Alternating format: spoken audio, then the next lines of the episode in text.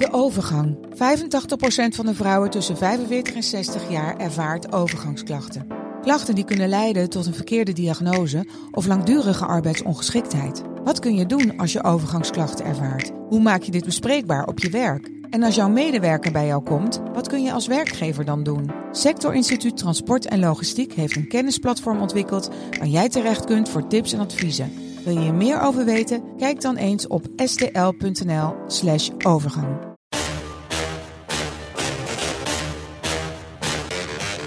Dit is Trick Privé. De dagelijkse showbiz-update met Evert Zandgoeds en Jordi Versteegde. Oh ja, heb jij een gele zwembroek in je vakantiekoffer? Want ik zag net jou hier al binnenkomen. Het is je laatste week. Nee, ik ben geen gele zwembroek. Dat zou wel heel... Nee, alle gekheid op een stokje. Maar we, hadden het er vrijdag al over dat dit een, ja, een korte week voor ons is. Ja, donderdag houden we ermee op voorlopig. Althans, ik uh, we gaan drie weken met vakantie. En ik vind je heel aardig. Maar ja, om jou in die microfoon om mee te nemen. Om, nou, je hebt het wel overwogen. Ik heb het overwogen. Ja, zeker. Ja, lang. Uh, ja, ben je er aan toe? Of, um... Ja, best wel. Altijd als je de laatste week hebt, dan denk je, oh, nou uh, ja. voel ik het wel. Ja. Gisteren was het Vaderdag. Nou, daar konden ja. we niet omheen op social media. Alle bekende Nederlanders stonden erbij stil. En één opvallende post wil ik eruit halen, die van Leontien. Die was wel mooi, een foto van Marco met de kinderen en als tekst onvoorwaardelijk. Ja, nou ja, we zagen laatst ook al Jada met uh, vader varen. Ja. En, uh, ja, ik geloof wel dat die kinderen vierkant achter hun vader zijn blijven staan. Ja. En ja, het wordt zo langzamerhand is het uur van de waarheid, zou je zeggen. Hè? Dat justitie laat weten wat ze er nou van vinden van die hele zaak. Of ja. Marco uh, vervolgingsvatbaar is of, of dat het wordt geseponeerd. En als hij wordt vervolgd, ja, dan is het ook nog spannend of hij wordt veroordeeld natuurlijk. Maar in dat stadium zitten we nog steeds, al anderhalf jaar. En Leontien, dit weekend wel nog gespot weer met John in Den Bosch. Ja, wat andere uh, media ook melden. Uh, onze informatie dat zij weer samen zijn, die is wel heel erg duidelijk. Wordt ook keer op keer bevestigd. Vorige week waren ze op Ibiza, nu in Den Bosch. Nou, ja. dat is uh, zijn habitat, hè, de, de, de, omgeving waar hij woont.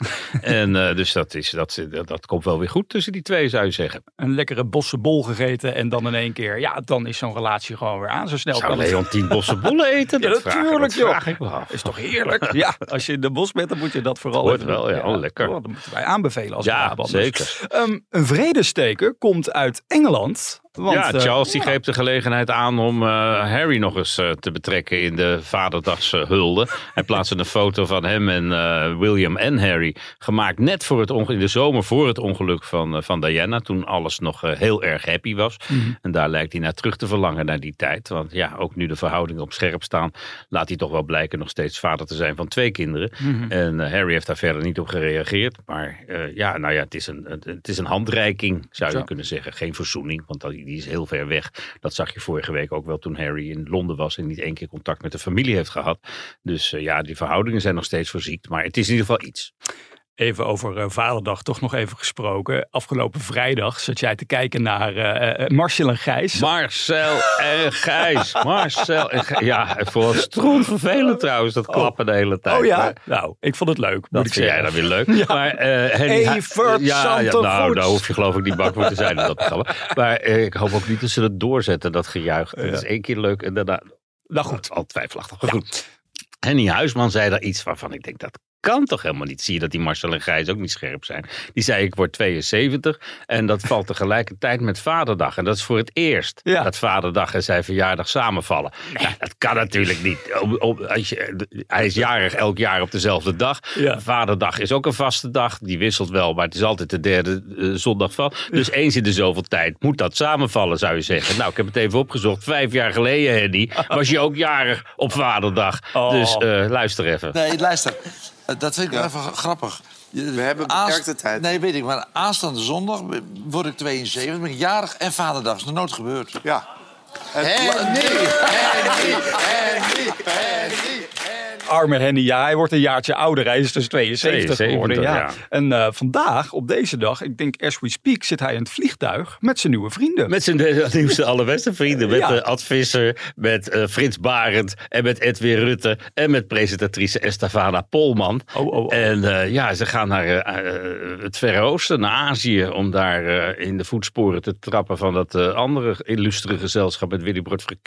Wie waren dat ook alweer allemaal? Peter Faber, Gerard talks Oh, jij bent wel, je hebt een goed geheugen. Ja, voor... uh, Katja Schuurman was er nog Schuurman was er toen bij, maar het waren toch ook vier? Nou, ja, nou. Dus uh, ja, dat gaat nu beginnen en ik ben zo benieuwd hoe dat gaat aflopen. Die vier ego's, hoewel bij Ad Visser, die, is, die, die, zweeft, die heeft geen vliegtuig nodig, die zweeft, die zweeft zichzelf wel naar, naar Bali. Maar het is, uh, ja, ik, ik vind het toch wel vier characters waarvan niet vaststaat dat de uitkomst heel erg vrienden voor het leven zal opleveren. In augustus moet het op televisie zijn, tenminste als ze alles... al? Ja, dus... Oh. Uh, moest, dacht dat ze er dan nog zouden zitten. Oh, nou, dat zou wat zijn inderdaad. um, vrijdag hadden we het ook al even over het Songfestival hier in de podcast. Over Armin van Buren, zoals jij uh, nog ja. weet. Hè? Uh, hij had commentaar op de commissie. Ja, die hebben, maar nu komt ja. er nieuws uit Zweden wat me wel aanspreekt. Ja, ik vind het belachelijk hoe lang dat Songfestival duurt. Van 9 uur s'avonds tot 1 uur s'nachts. Dat je eindelijk weet wat het minst slechte liedje was. Ja. Dat weet je tegen een kwart voor één ongeveer. En dan moet het nog een keer gezongen worden.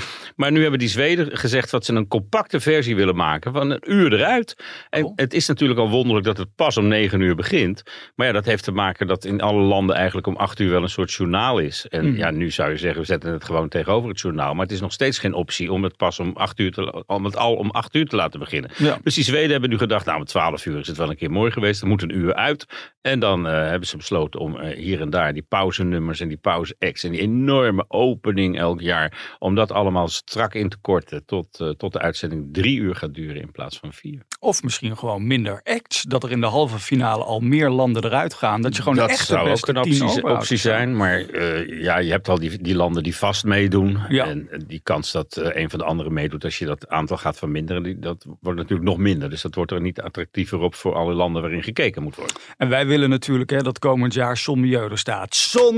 Ja, dat- Son vaak- hebben we dat nou al gezegd? En nog steeds is het niet bevestigd. Weet je trouwens nog wanneer Glennis Grace voor ons meedeed? In welk jaar dat was? Eh, ik weet nog wel waar het was, want ik was daarbij in Kiev. Oh. Eh, dat zal in 2005 geweest zijn of zo? Ah, 2004 was dat. Vier, My nou. Impossible Dream. Nou, Ja. dat bleek het ook te zijn, want Ja, ze was strandde in de halve ja. finale. Nou goed, eh, daarna heeft ze in 2020 natuurlijk nog met Afrojack een act gedaan, Ja. een interval act. Daarna ging haar carrière bergafwaarts, maar vandaag gaan we haar even in het zonnetje zetten, want ze is jarig. Dus we gaan even voor haar zingen. De strikt privé jarige van de dag. Hiep hiep, hoera!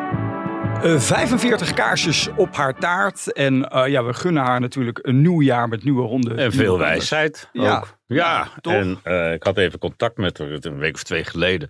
En toen zei ze dat ze het nog steeds heel zwaar had. En eh, ja, eh, rustig aan wil doen met babystapjes vooruit. Om Hmm. te kijken hoe ze de carrière weer op kan pakken. Ze heeft onlangs een optreden gehad in, in Nederland, in Amsterdam. Dat was voor het eerst een hele lange tijd op eigen bodem. Ze had heel veel succes in Tel Aviv, maar in eigen land treedt ze nauwelijks op. Ja. En de aanleiding voor dat optreden was een hele trieste van die, die, die, die jongen die doodgestoken ja. is op dat festival. En die daar met zijn familie is ze bevriend. Dus daar heeft ze staan zingen. Dat was buitengewoon indrukwekkend, hoor ik van mensen die erbij waren. Maar ja, dat hoort bij de babystapjes die ze wil zetten. Het moet eh, heel voorzichtig gebeuren. En ergens zal ze toch nog een keer de verhaal moeten doen. En dan een hele dikke streep eronder. En eh, ze heeft de taakstraf op een begraafplaats eh, verricht. Buiten het zicht van de camera's, van de paparazzi. Ja. En dan eh, moet ze het maar weer gaan proberen, denk ik. Hoe gaat eh, tot slot eh, in deze podcast Gordon, denk je, weer door? Nu hij bij SBS 6 is afgetaaid met 333.000 kijkers afgelopen vri- Ja, zaterdag. dat ziet er somber uit voor die Ja. tv-carrière. Dan kan hij zeggen, ik ga voortaan mijn eigen programma's wel produceren. Maar ja, de grote vraag is dan natuurlijk, wie gaat ze uitzenden? Ja. En dat, is, eh, dat ligt niet voor de hand dat eh, Talpa of, of RTL dat zullen doen. Want er zal ongetwijfeld een prijskaartje aanhangen als Gordon eh, denkt van, eh, ik, ik ga het zelf wel doen. Want, Ja. Maar is hij dat algemeen waard? niet de hand op de knip? Nee, de cijfers geven aan dat het land wel een beetje klaar is met Gordon. Ja. En iedereen, iemand die ook voortdurend zit af te geven op zijn broodheer, maar ook op zijn, op zijn land. Ja. Ja. dan denken mensen, joh, rot, op een lekker, rot lekker op naar Dubai.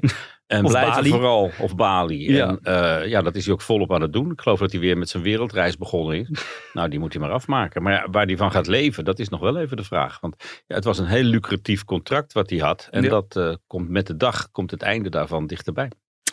Wij zijn er doorheen voor deze maandag. Ja, nog drie? Oh ja, en dan ga je lekker op vakantie. Vlieg jij Henny Huisman achterna? Wellicht wel. Je weet nooit waar jij belandt. Eh, maar eerst zijn we er morgen nog, Evert, om 12 uur. Tot dan.